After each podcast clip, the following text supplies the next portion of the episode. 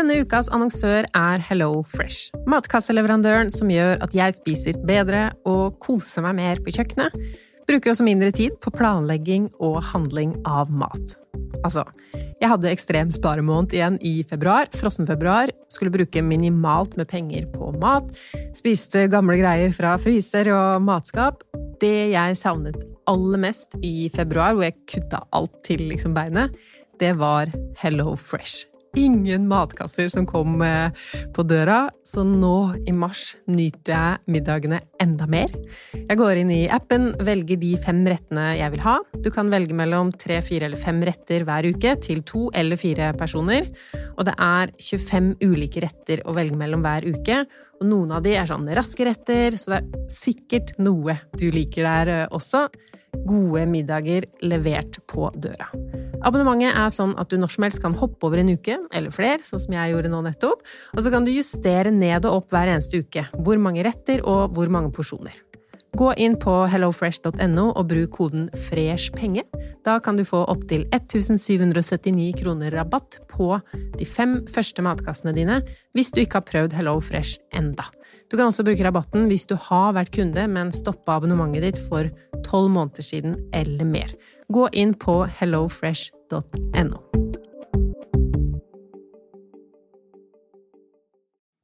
Har du et enkeltpersonforetak eller en liten bedrift? Da er du sikkert lei av å høre meg snakke om hvor enkelt det er å levere skattemeldingen med fiken, så vi eh, gir oss her. Fordi vi liker enkelt. Fiken superenkelt regnskap.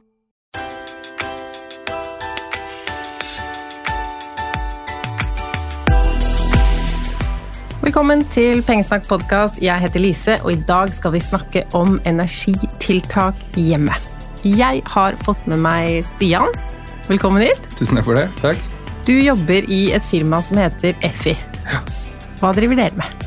Vi jobber med energirådgivning, eh, hovedsakelig mot privatmarkedet, altså boligeiere. Eh, hvor vi bistår med store og små sparetiltak eh, innenfor egentlig alle, alle rammer.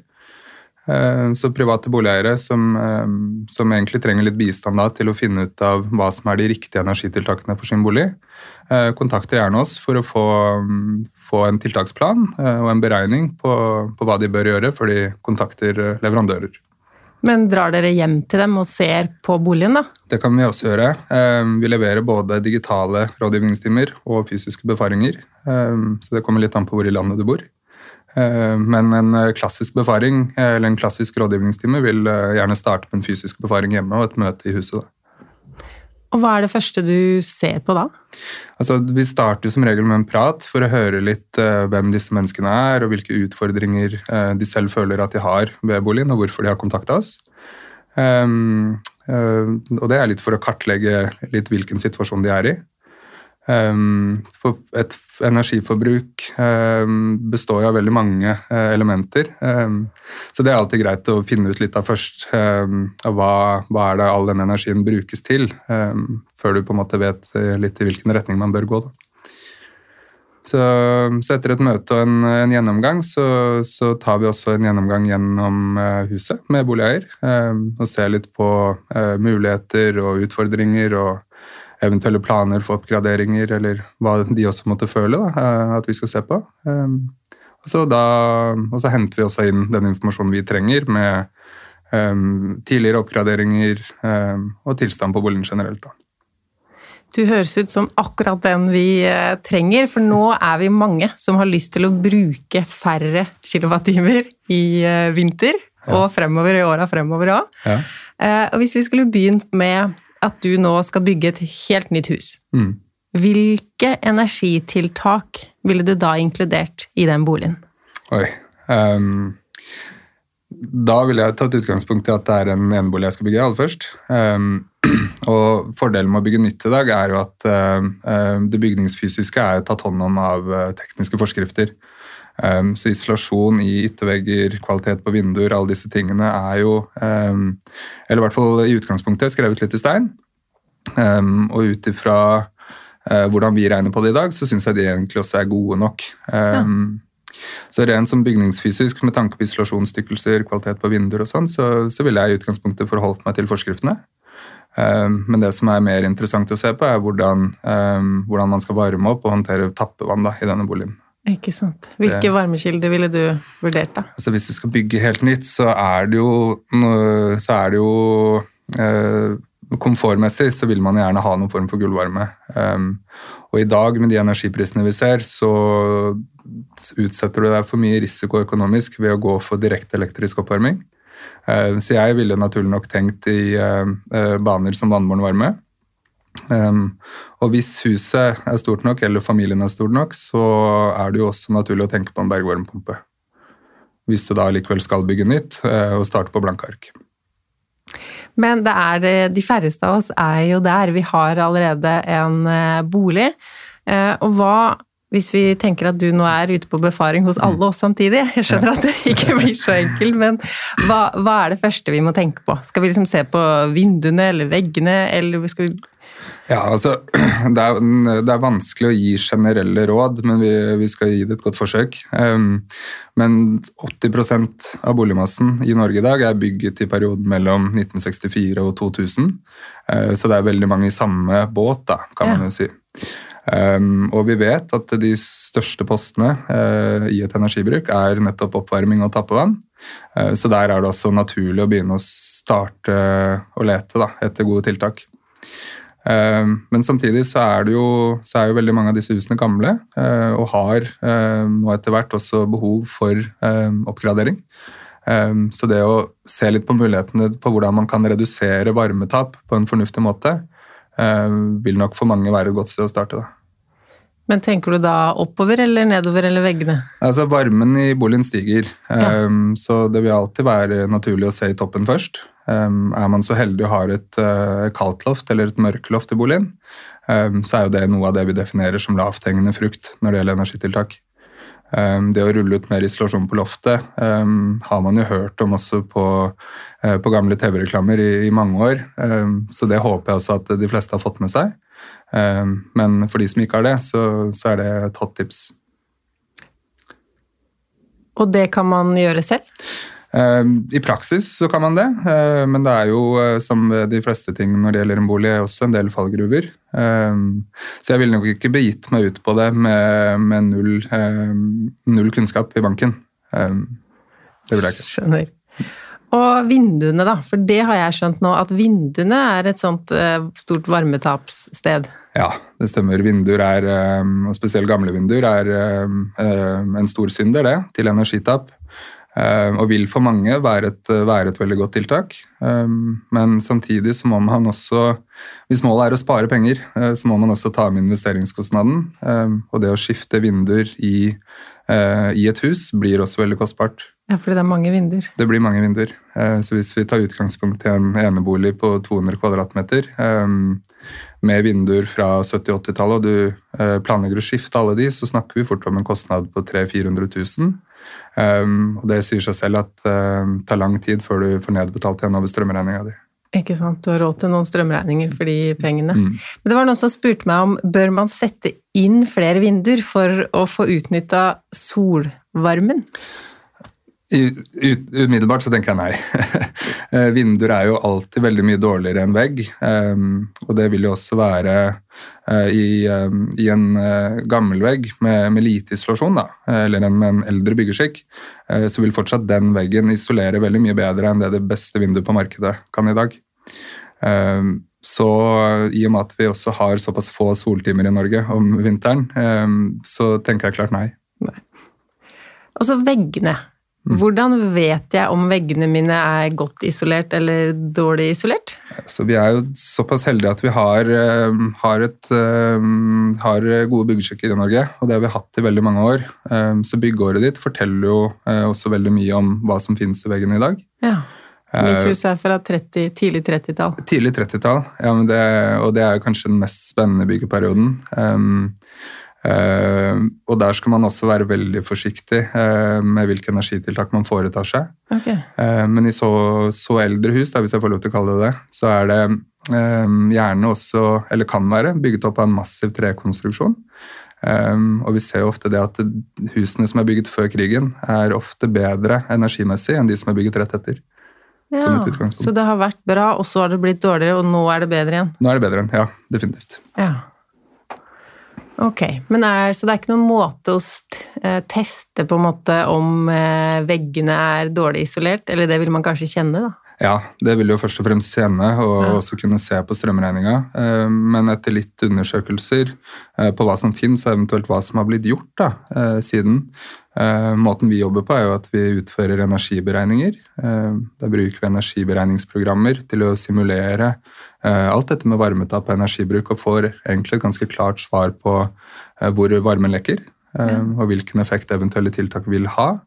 Eh, Men du kan også gjøre fysiske målinger som termografering og, trykktesting da, for å avdekke lekkasjetall. Og Termografering, da kan man se på et kamera at det er rødt og sånn? Ja, det stemmer. Eh. Da bruker man et eh, IR-kamera eh, som leser temperatur.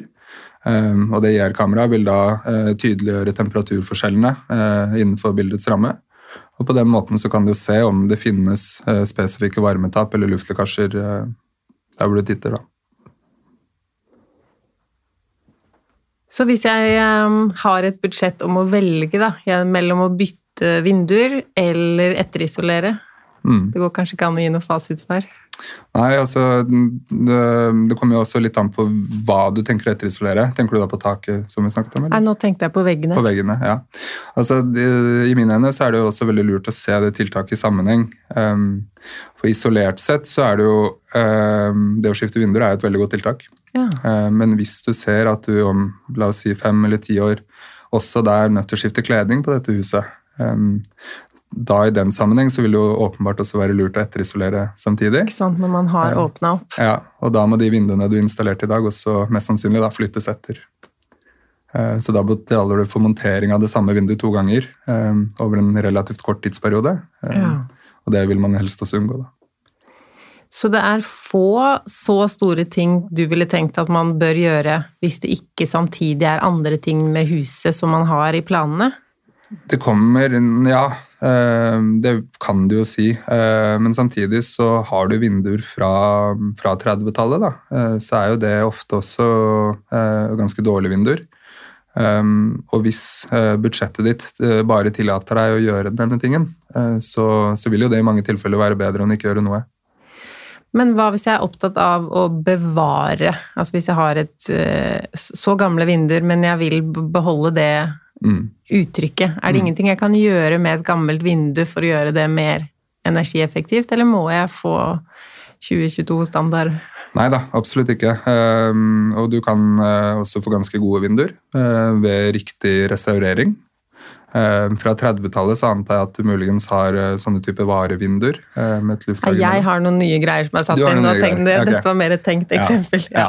altså De vinduene, eh, i hvert fall vi eh, Av de boligeierne vi møter som har vinduer de vil bevare, så er det gjerne sånne type vinduer det er snakk om. da. Ja. Gamle varevinduer hvor det ytterste laget også har litt sånn bølgespill i det, eh, som gir et eh, ganske kult uttrykk, eh, men som ikke isolerer særlig godt. Ja.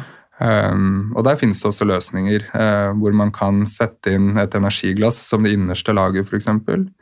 Um, og patenten ved sånne typer vinduer er i utgangspunktet veldig god, uh, med at det har to lag med glass uh, og et godt lag med luft imellom. Uh, men det forutsetter også at det luftlaget er tett, og at ikke den lufta blir bytta ut av luftlekkasjer hele tiden. ja, for da mister man jo hele isoleringen. Ja, da mister du hele isolasjonsevnen til vinduet. Eh, Men det er klart, eh, restaurerer du et sånn type vindu, eh, så kan du også oppnå en U-verdi som er sammenlignbart med vinduer fra 90-tallet. Eh, Og fra 30-tallet opp til 90-tallet så er det også en kjempeforbedring. Det vil ikke være på lik linje med et nytt vindu i dag. Og prisen for den restaureringen vil nok også være mye høyere enn å skifte vinduene. Men igjen så er det et personlig valg hvis du virkelig vil ta vare på det. da. Når du sa U-verdi, hva betyr det? U-verdi er et tall som beskriver eh, Eller enkelt forklart så er det et tall som beskriver hvor godt et element isolerer. Eh, Det beskriver varmegjennomgangen i et element. Eh, Så U-verdi er et uttrykk vi bruker egentlig om alt, men snakker heller om antall centimeter isolasjon, eh, for det er lettere eh, for folk flest å skjønne. Eh, Men vegger, gulv, tak, vinduer og dører, alt har en U-verdi og beskriver rett og slett hvor godt eh, elementet isolerer. Hvis vi går over på varmekilder, mm. fins det en sånn rangering eller rekkefølge man kan si dette er dårligst og dette er best? Ja, altså det kan man jo både fra et energi- og et klimaperspektiv eh, lage en type rangering på.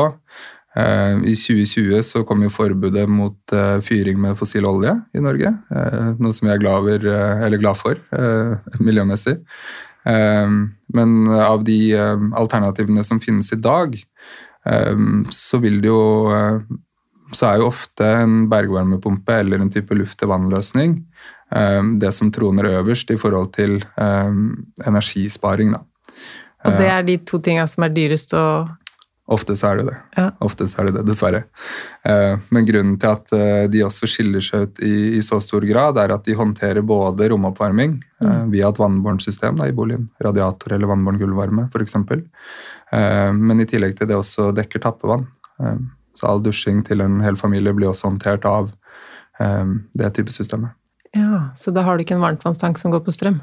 Nei, da har du en akkumulatortank, eh, heretter kalt, da, som, eh, som eh, ja, håndteres av bergvarmepumpa. Men hvis man har hatt en gammel oljefyr og nå skal nå over til bergvarme, mm. kan man bruke de samme radiatorene eller kablene? Um, nei, i utgangspunktet nei. så kan man ikke det. Um, det må alltid undersøkes, men i de aller fleste tilfeller så er man nødt til å skifte ut de gamle radiatorene også til nye. Eh, og årsaken til det er eh, at disse eldre oljefyrene som fantes, eh, er det som defineres som en høytemperaturkilde. Som gjerne da kjører ut temperatur på vann i systemet på, på rundt en 70 grader. Og da er det ikke noe problem med disse eldre radiatorene som har ganske tykke vegger, og leverer nok varme ut i rommet. Men hvis du da går over til en f.eks. en bergvarmepumpe eller en luftvannpumpe, så går du samtidig over til en lavtemperaturkilde. Og en lavtemperaturkilde kjører ut vannet på gjerne rundt en 55 grader. Ja. Og da kan du få litt problemer med å få nok varme ut i rommet med disse gamle radiatorene. Skjønner. Mm. Og hvis jeg skal da bestemme om jeg skal legge dette nye systemet i gulvet eller i radiatorer, hva må jeg tenke på da? Altså, skal du legge det i gulvet, så må du jo i de fleste tilfeller også skifte gulv. Eh, og det er jo også en stor kostnad. Eh, kanskje også et ønske og et behov hos mange. Eh, det vil nok være billigere å sette opp radiatorer, i hvert fall i de mindre rommene i boligen, hvor du kanskje ikke allikevel trenger gulvvarme. Altså f.eks. soverom eller andre typer rom hvor du ikke sitter med bena planta på gulvet til enhver tid. Men komfortmessig så er det jo eh, dette med gullvarme eh, noe, noe, for seg selv, og noe mange foretrekker, i hvert fall hvis man skal gjøre en investering i den klassen. Så er det veldig greit å få med seg den komforten. Eh, men ofte så er det best å kjøre en kombinasjon oh, ja. rundt omkring. da. Ja, At du har det både i gulvet, Nei. eller i noen rom det ene og noen rom det andre. Ja, ja. riktig. Så at du f.eks. da kjører en kombinasjon med vannbåren gulvvarme i oppholdsareal, um, og heller uh, har mindre radiatorer um, i gang og soverom og rom som krever mindre oppvarming og lavere komfort. Da. Skjønner. Hvis vi beveger oss videre på den lista da, og mm. uh, utelukker bergvarme og mm. luft til vann, ja. hva er liksom tredje, tredjevalget ditt? Nei, altså Vi holder oss fortsatt litt i varmepumpeland, da. Ja. Uh, det oppleves jo litt sånn kjøpt og betalt når jeg sitter og snakker om det nå, hører jeg. Men um, vår mening er jo også da at luft- og luftvarmepumpe stiller en egen klasse um, når det gjelder energieffektivitet, egentlig.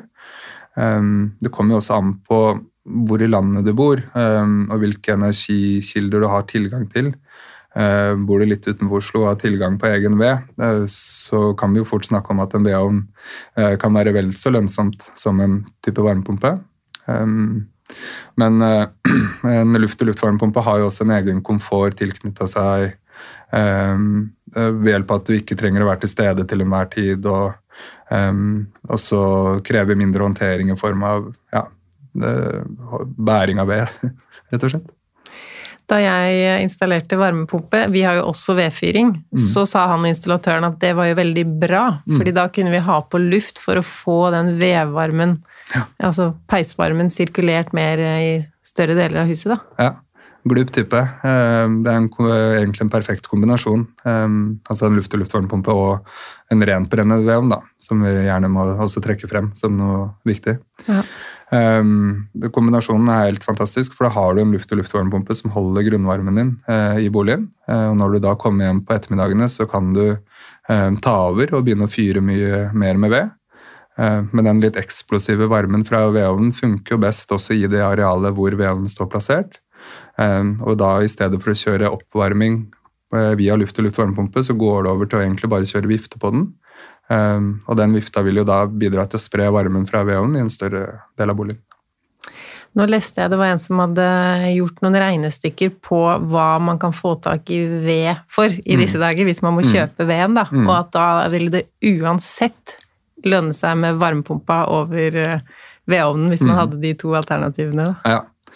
Um, og det stemmer helt sikkert. Uh, det har ikke vi gjort noen egne, egne, uh, egen forskning på, i hvert fall ikke i nyere tid. Um, men vi vet jo det at er man, uh, er man litt tidlig ute og Um, kontakter de riktige menneskene. Høres litt suspekt ut. Men, Svartemarkedet for ved? Nei da, men hvis du, hvis du, heller kontakter en bonde direkte um, og tilbyr deg å komme opp og stable veden på egen henger og ta det med deg bort, uh, så får du en veldig mye bedre pris enn det du gjør hos en kommersiell um, tilbyder. da. Ja, ikke sant? At da kan det lønne seg. Mm. Men hva er det som er så bra med varmepumpe?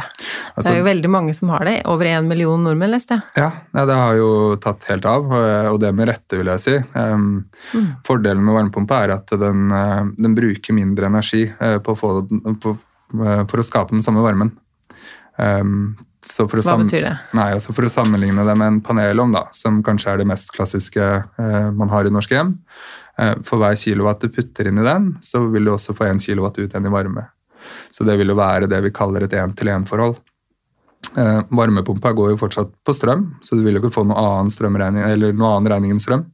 Eh, men for hver kilowatt du putter inn, så får du tre til fire ut igjen i varme. Og Det er der hele begrepet med da energieffektivitet kommer inn. da. Ja. Bruke mindre energi på å få den samme jobben gjort, rett og slett. Og hva er det jeg må gjøre med den varmepumpa, hvis vi skal snakke bare litt om mm. sånn vedlikehold, siden så mange mm. har varmepumpe, da. Mm. Eh, og jeg delte jo noen, for noen år siden at jeg ikke hadde støvsugd min varmepumpe. Eh, for det visste jo ikke jeg, Nei. og da ble jeg latterliggjort av mange, mens andre åpna sin varmepumpe som aldri hadde vært mm. rengjort. Eh, eh, så det er jo én ting. Ja. Eh, og nå har jeg fått tilbakemeldinger på at man skal skylle det, og ikke støvsuge det. Dette er kanskje ikke ditt felt? Nei, altså det, jeg, der ville jeg forholdt meg til eh, hva leverandøren eh, anbefaler akkurat eh, når det gjelder behandling av filtre. Men det å rengjøre det, da, for å bruke et litt mer overordna grep, så er det viktig at det rengjøres eh, også ganske ofte. og du er, ikke, du er, absolutt ikke alene om det, og ikke har vært klar over at det bør også gjøres ganske ofte. Um, og det så jeg også på, på, din Instagram, var det vel, at det ga ganske stor effekt um, av støvsuget. Ja. For det gjør noe med hele sirkulasjonen på hele systemet. Uh, så det bør man gjøre uh, relativt ofte. Uh, minimum fire ganger i året. men igjen følg anbefalingene fra leverandøren din. Og nå kommer vi til et annet tema som har vært heftig diskutert mm. på Facebook-grupper og diverse. Og da er det snakk om skal man ha på varmepumpa døgnet rundt, eller når man skal ha det varmt. Mm. Altså Våre beregninger eh, viser at den er mest energieffektiv når den bare får stå og holde en jevn temperatur. Eh, men det man også bør ta med i betraktningen i, eller i diskusjonen, er eh, litt hvordan type bolig varmepumpa står plassert i. Ja. Eh, fordi det er litt annerledes hvis vi snakker om et gammelt hus eh, som har lite isolasjon og derav et høyt varmetap. Eh, hvis du da skrur den ned, eller i verste fall skrur den av om natten, så rekker også temperaturen i boligen å falle ganske lavt. Og da når du da står opp igjen på morgenen og enten skrur den på eller litt opp igjen, så vil den varmepumpa trekke til seg innelufta, måle temperatur og tenke oi, her er en relativt stor jobb å gjøre. Um, og da vil den uh, også sette i gang en litt sånn voldsom prosess for å få opp varmen i boligen igjen så kjapt som mulig. Og i den perioden så er den uh, mindre energieffektiv enn om du ville hatt den stående i løpet av natten. Da. Ja, fordi jeg ville Ja, ikke sant. Man kan tenke mm. nesten omvendt, og at der uh, det kjøler seg så raskt ned, så bruker jeg jo så veldig mye strøm på å ha den på også. Ja. Men den, eh, for den varmepumpa så er, det, så er, det, veldig mye lettere å holde en jevn temperatur og ta et pust i ny og ne det bruker den mindre energi på i, enn i den litt voldsomme prosessen eh, den blir utsatt for hver morgen. Da. Og nå, eh, etter at vi begynte å betale for strøm per time også, så er gjerne natten en av de periodene i døgnet hvor strømmen er billigst. Eh, så det å utnytte også den perioden til å produsere varme, da, er jo også fornuftig. Men hvis jeg tenker hjemme hos meg privat her nå, da, så vil jeg jo ha det varmt i stua fra sånn fire til kanskje ni på Mm. kvelden. Mm. Så skal den da stå på 24 timer bare for å ha det varmt i fem? Ja, altså du bruker jo vedfyring også for å løfte temperaturen på ettermiddagen, gjør du ikke det? Jeg har ikke begynt med det enda, men Nei. i den den kaldeste vinteren så gjør jeg jo det. Ja. Altså det er eh, Men da tenker du at du heller ville skru den av om natten og Jeg tenker at jeg kanskje vil ha den på sånn 16 grader, og så Mm. skrur jeg den opp til 20 akkurat de fem timene da. Ja. Altså det er jo, Hvis vi snakker om en såpass lang periode, så, så må man jo se litt nærmere på det. Jeg ville ikke svart på det nå eh, på stående fot, fordi det er et fint regnestykke. Eh, og man må også se litt på bygningskroppen eh, og hvor, hvor mye varmetap man faktisk har. Eh, men det som også skjer i praksis da, er at eh, all varmelagringen i boligen ellers også forsvinner. Eh, Så alt av møbler, stoler, gulv, vegger, tak, alle overflater rekker også å bli veldig kaldt. Ja. Og de overflatene rekker du ikke å varme opp igjen over en så kort periode. Nei, ikke sant. Nei, dette er ikke lett. Nei. Men når man sier sånn, ja, senk temperaturen én grad, så sparer du Er Mm. det sånne ting du sier òg? Ja. Ja, hva sier du? Altså, hvis du reduserer innetemperaturen med én grad, så reduserer du også eh, forbruket til oppvarming eh, med 5% Ja. Mm. Men da må jeg velge meg én grad og ha den døgnet rundt. Altså, Er det generelle rådet? Nei, altså i utgangspunktet. Altså det kommer litt an på hvilken oppvarmingsløsning du har igjen. Eh, Ja. For snakker vi om, da om direkte elektrisk oppvarming, altså panelovner og sånn, så ser regnestykket, regnestykket helt annerledes ut igjen. Ja, ok, det må du fortelle mer om. For det Mm. er jo mange som har panelovner. Ja, um, og um, når du fjerner den energieffektive biten da, som varmepumpa gir, når vi er tilbake til å snakke om et én-til-én-forhold, Ja. um, så vil du være tjent med å redusere temperaturen, og gjerne da en tre-fire grader, uh, i de periodene hvor uh, du ikke oppholder deg i rommet egentlig. ja. Mm. Så panelovneiere, skru ned når du ikke trenger det. Varmeovneiere, finn en grad. Varmepumpe. Hva sa jeg? Varmeovn. Ja. Varmepumpeeiere, finn en grad og ha den sånn. Mm. Da skal jeg følge med på time for time-forbruket mitt, og så Mm. gjøre en eh, test. Mm. skal vi se. Men hva med de der um, luftelukene? Ja. For sånne har jeg rundt omkring i huset mitt, og så Mm. tenker jeg her eh, fyrer jeg for kråka, men samtidig så vil jeg jo ha lufting. Mm. Skal jeg drive på med de, eller skal jeg la de stå Nei, altså det er jo, det er jo en del av ventilasjonen.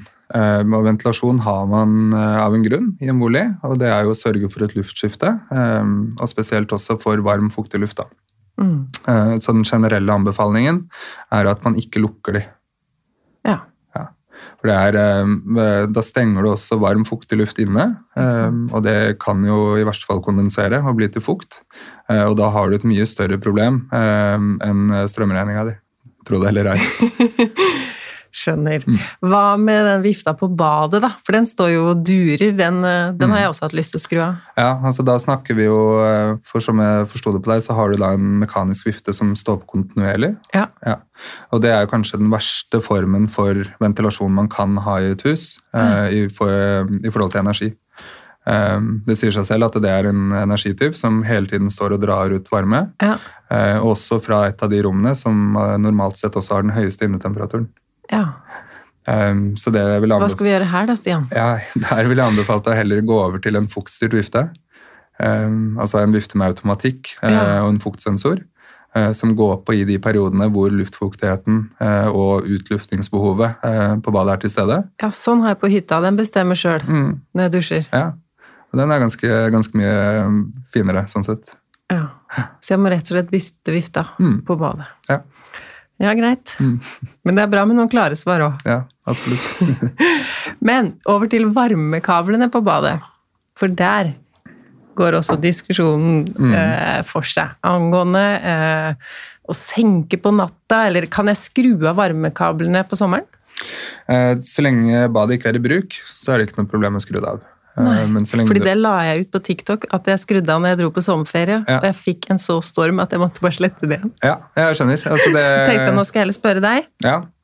Altså, så lenge badet ikke er i bruk, eh, så, er det, så har du i hvert fall ikke den fukten inne i bildet. Um, og det er jo et av eh, hovedargumentene på hvorfor du alltid bør ha det litt på, eh, for, å, for å tørke opp eventuell fukt. da.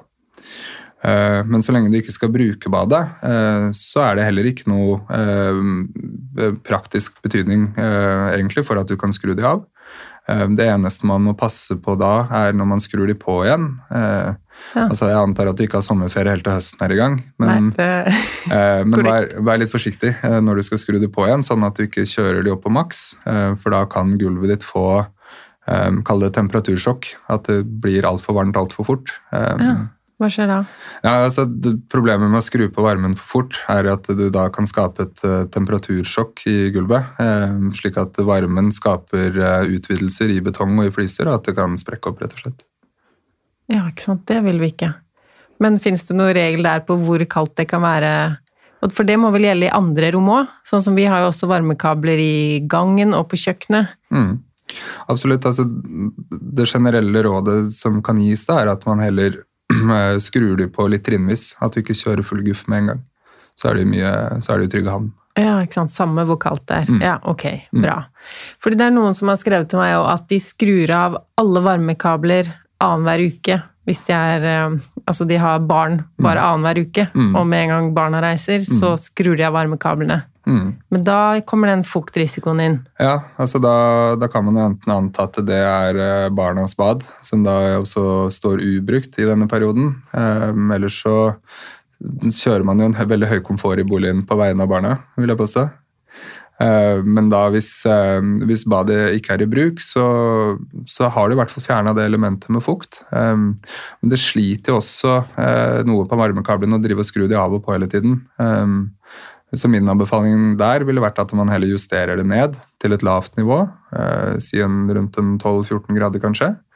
Um, og hvis dette også er på vinterstid, og det får man jo anta, um, så vil det også gå vannrør på bad. Ja. Eh, så det å la det bli helt iskaldt på badet er jo heller ikke anbefalt med tanke på at vann kan fryse. da. Ja, ikke sant. Da kommer den risikoen inn òg. Mm. La oss gå over til eh, varmtvannsberederen. Mm. For de av oss som ikke har eh, vannbårne systemer. Mm. Eh, skal man styre den? Skal man skru av strømmen? Hva skal man drive på med den? Ja, altså det er jo det som har kommet veldig på markedet de siste årene, eh, også som et resultat av at vi nå betaler for strøm per time, eh, er jo eh, smartstyring av veldig mye i hjemmene, eh, også inkludert varmtvann. da. Um, og slik som ting er i dag, um, så er jo strømmen um, satt til noe av det dyreste, uh, også i de periodene hvor det er mest naturlig å bruke mer strøm, altså på morgenen og på ettermiddagen etter, etter normal arbeidstid. Og for en familie da som um, f.eks. har for vane å dusje på morgenen, så vil jo det også være den dyreste perioden for oppvarming av nytt tappevann.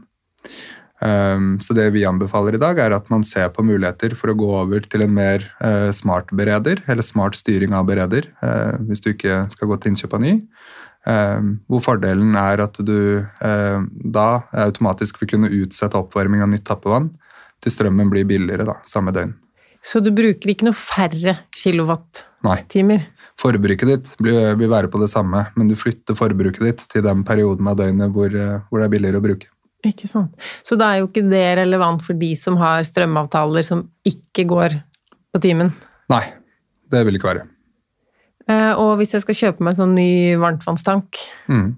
det koster jo litt. Det koster jo litt, men Og den er er jo jo mye dyrere, den som er eh, smart. Ja, men det mm, har eh, Enova heldigvis laget en egen støtteordning for nå. Ja. Eh, Så hvis du skal gå til innkjøp av en ny varmtvannsbereder, så får du faktisk 5000 kroner i støtte for å eh, heller da velge en smartbereder. Og det er jo cirka akkurat det den smarte koster, mer enn Det stemmer, så det, det tror jeg noen har tenkt på.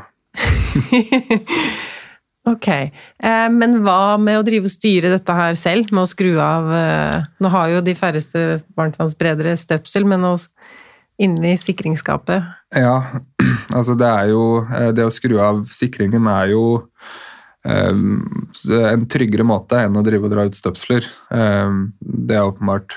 Det å dra, drive og dra ut støpsler er jo på ingen måte anbefalt, bare for å si det klart. Men dersom du styrer kursen på den, så, så vil jo det være tryggere. Men samtidig så skal du også være litt forsiktig i forhold til at du da samtidig skrur varmtvannsberederen helt av. Uh, og det kan jo også føre til bakterier som legionella over en viss periode, da. Ja, det er vi ikke interessert i. Nei, det vil vi ikke ha. Når det gjelder Enova og disse støtteordningene, hva er det man kan få støtte til, og hvordan fungerer det i praksis? Altså Først og fremst så kan du få støtte for å samarbeide med en energirådgiver. Um, ah. Enova har en liste over godkjente energirådgivere um, som kan bistå deg med å først og fremst uh, avdekke litt tilstand på, på bygget ditt i dag, og hva du bruker energi på. Eh, og det mener jeg i hvert fall er veldig elementært eh, for å kunne vite hvor man skal gå videre. Eh, men utover det så vil jo en energirådgiver da kunne bistå deg med å lage en tiltaksplan og en energiberegning, sånn at du får en oppskrift og en oversikt over de mest lønnsomme tiltakene for din bolig. da. Så det er jo et åpenbart godt sted å starte. Men utover det så, så støtter det jo veldig mange tekniske installasjoner. Ehm, eh, det, de nyeste og de kanskje mest attraktive for folk flest er ehm, dette med smart varmtvannsspreder, som vi var innom, og smart strømstyring. Eh, hva betyr det? Så et smart strømstyringssystem er et system som gir deg disse smartfunksjonene. Da. Når det gjelder oppvarming, så snakker vi da om dag- og nattsenk gjerne, på elektrisk oppvarming og gulvvarme der. Men ikke på varmepumpa? Nei, ikke på varmepumpa. Det gjelder kun da elektrisk oppvarming, i hvert fall hvor vi anbefaler det eh, på et generelt nivå. Ja. Eh, det inkluderer også lading av elbil, eh, hvor du flytter lading av elbilen til de periodene av døgnet hvor det er mest lønnsomt. Men også tappevann, da, som vi, som vi var innom. Ja. Men så har du også disse større tiltakene som bergvarmepumpe, vannbårne fordelingssystemer, akkumulatortanker um, Altså en haug med tekniske eh, installasjoner. Men luft til luft er ikke noe støtte? Nei, det slutta man med på nasjonalt nivå i hvis jeg ikke tar helt feil, tilbake i 2010. Ja. Uh, så det er lenge siden det har blitt utbetalt noe støtte til, til det tiltaket. Og så um, har de også støtte til oppgradering av bygningskropp. Um, den er jo relativt omfattende um, der, men hvis man er i en situasjon hvor man uh, har en eldre enebolig som har større behov for oppgradering, uh, og man tenker at nå er det på tide å gjøre et større prosjekt her, så er det absolutt mulig å få utbetalt støtte til det renoveringsarbeidet med etterisolering og utskiftning av vinduer og den biten der. da. Hva med solcellepaneler? Ja, hva med det? det er, eh, Bør man smelle opp noen sånne på taket? Eh, ja, altså solceller har jo aldri vært mer lønnsomt enn det det er nå. Eh, men det er også som følge av eh, strømprisene. Eh, men vi kommer dessverre ikke bort fra det i Norge at eh, solceller produserer mest om sommeren. Ja. Og det er også typisk den perioden hvor folk flest bruker min strøm. Mm. Også eh, strømprisene, i hvert fall historisk sett, er lavest. Eh, men i dag så finnes det også mange spennende eh, plusskundeavtaler du kan gjøre med strømleverandøren din. Hvor du enten kan selge strømmen tilbake på nettet, eller til og med lagre strømmen hos strømleverandøren som en type, som en type batteriløsning, og hente det ut igjen når du vil. da. Ja, det har jeg sett, at de mm. kaller det sky og at det fins ett strømselskap som du kan også samarbeide med hytta di. Mm. Altså at hvis du ja. lager strøm ett av stedene, så kan du sende det til det andre. Ja, så det fins mye kule løsninger der. Um, og vi er absolutt veldig positive til, til den type teknologi. Uh, men samtidig, så, i og med at det har blitt så populært nå, så ser vi også at uh, hos de fleste leverandørene så hadde det blitt en del ventetid. Um, og vi vil gjerne se litt hvordan denne utviklingen i strømpriser blir de neste fem årene, før, før vi i hvert fall på et generelt basis eh, kan anbefale solceller. Ja. Men hvis man ikke skal investere i noe, da, hvis man ikke mm. skal kjøpe seg ny varmtvannstank eller isolere, skifte mm. vinduer, montere solceller, ikke noen sånne store ting, hva er de største tinga av de små tinga, for å mm. si det sånn, som man kan passe på å gjøre hjemme? Ja. Er det et godt tips å skru av alle lys når man forlater et rom? Eh, det er jo absolutt eh, et godt tips. Og når vi da snakker om eh, å ikke gjøre noen større investeringer, så bør man heller tenke mange bekker små. Men det, det vi vet, er at romoppvarming og tappevann er de største postene. Så det å se på litt, litt egne forbruksvaner der vil være lønnsomt. da. Og skru ned innetemperatur er et godt, men kanskje litt kjedelig tips for mange. Eh, men spesielt i rom du ikke bruker eh, daglig. Eh, prøv å holde en lav temperatur i de sonene. Vær litt raskere i dusjen. Dusj gjerne på treningssenter eller på arbeidsplass hvis du har mulighet til det. Så flytt forbruket ut av, ikke Ikke ut sant? huset. Det er en sånn snyltermodell. Ja, Men hvis vi er sånn. på dusjen, da, Mm. er det best å gjøre det raskt eller kaldt eller lavt trykk? Eh, Eller alle en, samtidig. Ja, en kombinasjon av alle tre vil jo, vil jo åpenbart være, være det beste, men eh, en rask dusj eh, vil jo egentlig være å foretrekke. Men tar du ut altså, Hvis du klarer å dusje i kaldt vann, så, så kan man ikke si at det ikke er bra heller for energiøkonomien sin del, men eh, ja, Det var det med komfort igjen. det var det med komfort. Ja, men det er mange som sier det er sunt, da, så det er kanskje tida for å teste. Ja, det kan jo være. Det kan jo være. Nei, det, er, det med dusjinga er litt morsomt, for vi er i kontakt med såpass mange mennesker. Um, og da kommer vi ofte inn på dette med dusjvaner osv. Um, og åpningen til overraskende mange når vi kommer inn på temaet, er at eh, nei, nei, er, jeg er rask i dusjen. Uh, vi dusjer kjapt. Um, og så går vi litt mer i dybden på det, og da kan folk gjerne uh, opplyse om at en rask dusj for de er 10-12 minutter. Um, Så jeg tror mange har litt å hente på å, se litt på egne forbruksvaner også der. Hva er en rask dusj, da, Stian? Altså, vi hører jo, eh, vi hører jo alt mulig, men eh, i mine øyne, hvis jeg skal trekke et snitt av alle de vi snakker med, så vil jeg si at en rask dusj er tre-fire minutter. Ja. Én sang på Spotify her Én En sang på Spotify bør holde, eh, og mange sier jo det også, at de syns det er vanskelig å svare på fordi man aldri har tatt tiden på en dusj, og det er ikke så veldig naturlig å gjøre heller. Eh, Men om du gjør deg en tanke bare på området neste gang, så får du en god indikasjon av hvor i landet du ligger, i hvert fall. Eh, Og bare den bevisstgjøringen vil, vil bidra til at du kanskje kan spare litt der også. Det kan vi gi lytterne i hjemmelekse. Jeg liker å gi oppgaver, så nå neste gang du går inn i dusjen, ha stoppeklokka på. Ja, eller sett på en sang. Eller sett på en sang. Det finnes noen veldig lange sanger, da. Mm. Det gjør det. det, gjør det. Men av andre sånne småting eh, Hvis det med oppvarming er det aller, aller største Lukke dører til kalde soner. Definitivt. Eh, man kan også gjerne isolere mellom eh, altså Hvis du har faste soner i boligen som også kommer til å forbli uoppvarma, eh, så, så kan det være et godt tips det å isolere innevegger også. Det er ikke bare yttervegger man trenger å isolere. Ja, den var ny. Ja, det å sette Smart. på tetningslister også på innedører for å hindre luftlekkasjer mellom oppvarma og uoppvarma rom. Eh, Da snakker du om sånne sånn der man kan bare kjøpe Ja, ja, på Claes sånne gummilister eller? du kjøper eh, på Claes Olsson eller hos en byggvareforhandler. eller ja. Eh, Og klistre på de som et klistremerke på dørkarmen er gode tips. Ja, for de har jeg tenkt på på vindu, men du kan også gjøre de på Ja, innedører og alt, hvor du vil lage det, lage det tettere. Det eneste man skal være litt forsiktig med, er jo også da um, luftfuktighet på disse rommene. Um, for blir det for kaldt der inne, så oppstår det også gjerne en utfordring eh, med at det kan kondensere. da.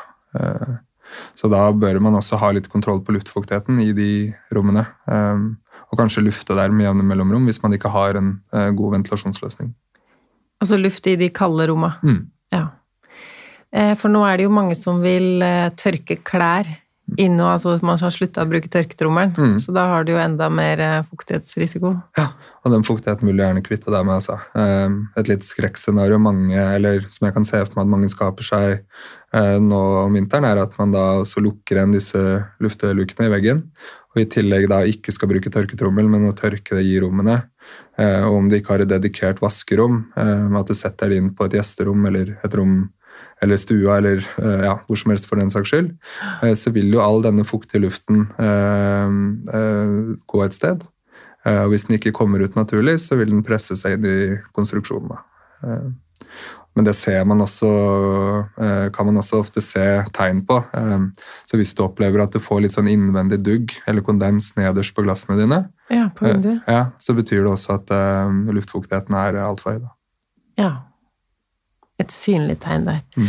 Du, det var gode tips. Nå tror jeg mange har fått uh, mye å tenke på. Hvis man vil mm. ha en sånn energirunde av uh, huset sitt, hvor begynner man da? Da ville jeg i utgangspunktet anbefalt å se om din kommune eller fylkeskommune uh, har noen løsninger. vi i FI tilbyr jo rådgivning, vi, via større kommuner og fylker i Norge i dag. men dersom du ønsker et fysisk hjemmebesøk eller ikke bor i en kommune som tilbyr det, eh, så er Enova sitt rådgiverregister et godt sted å starte da, for å finne en lokal energirådgiver som kan komme hjem og ta en eh, objektiv vurdering av din situasjon. Og det var jo i den lista jeg fant deg. Ja, så bra. Tusen takk for at du kom og delte all din kunnskap. Bare hyggelig. Bare hyggelig.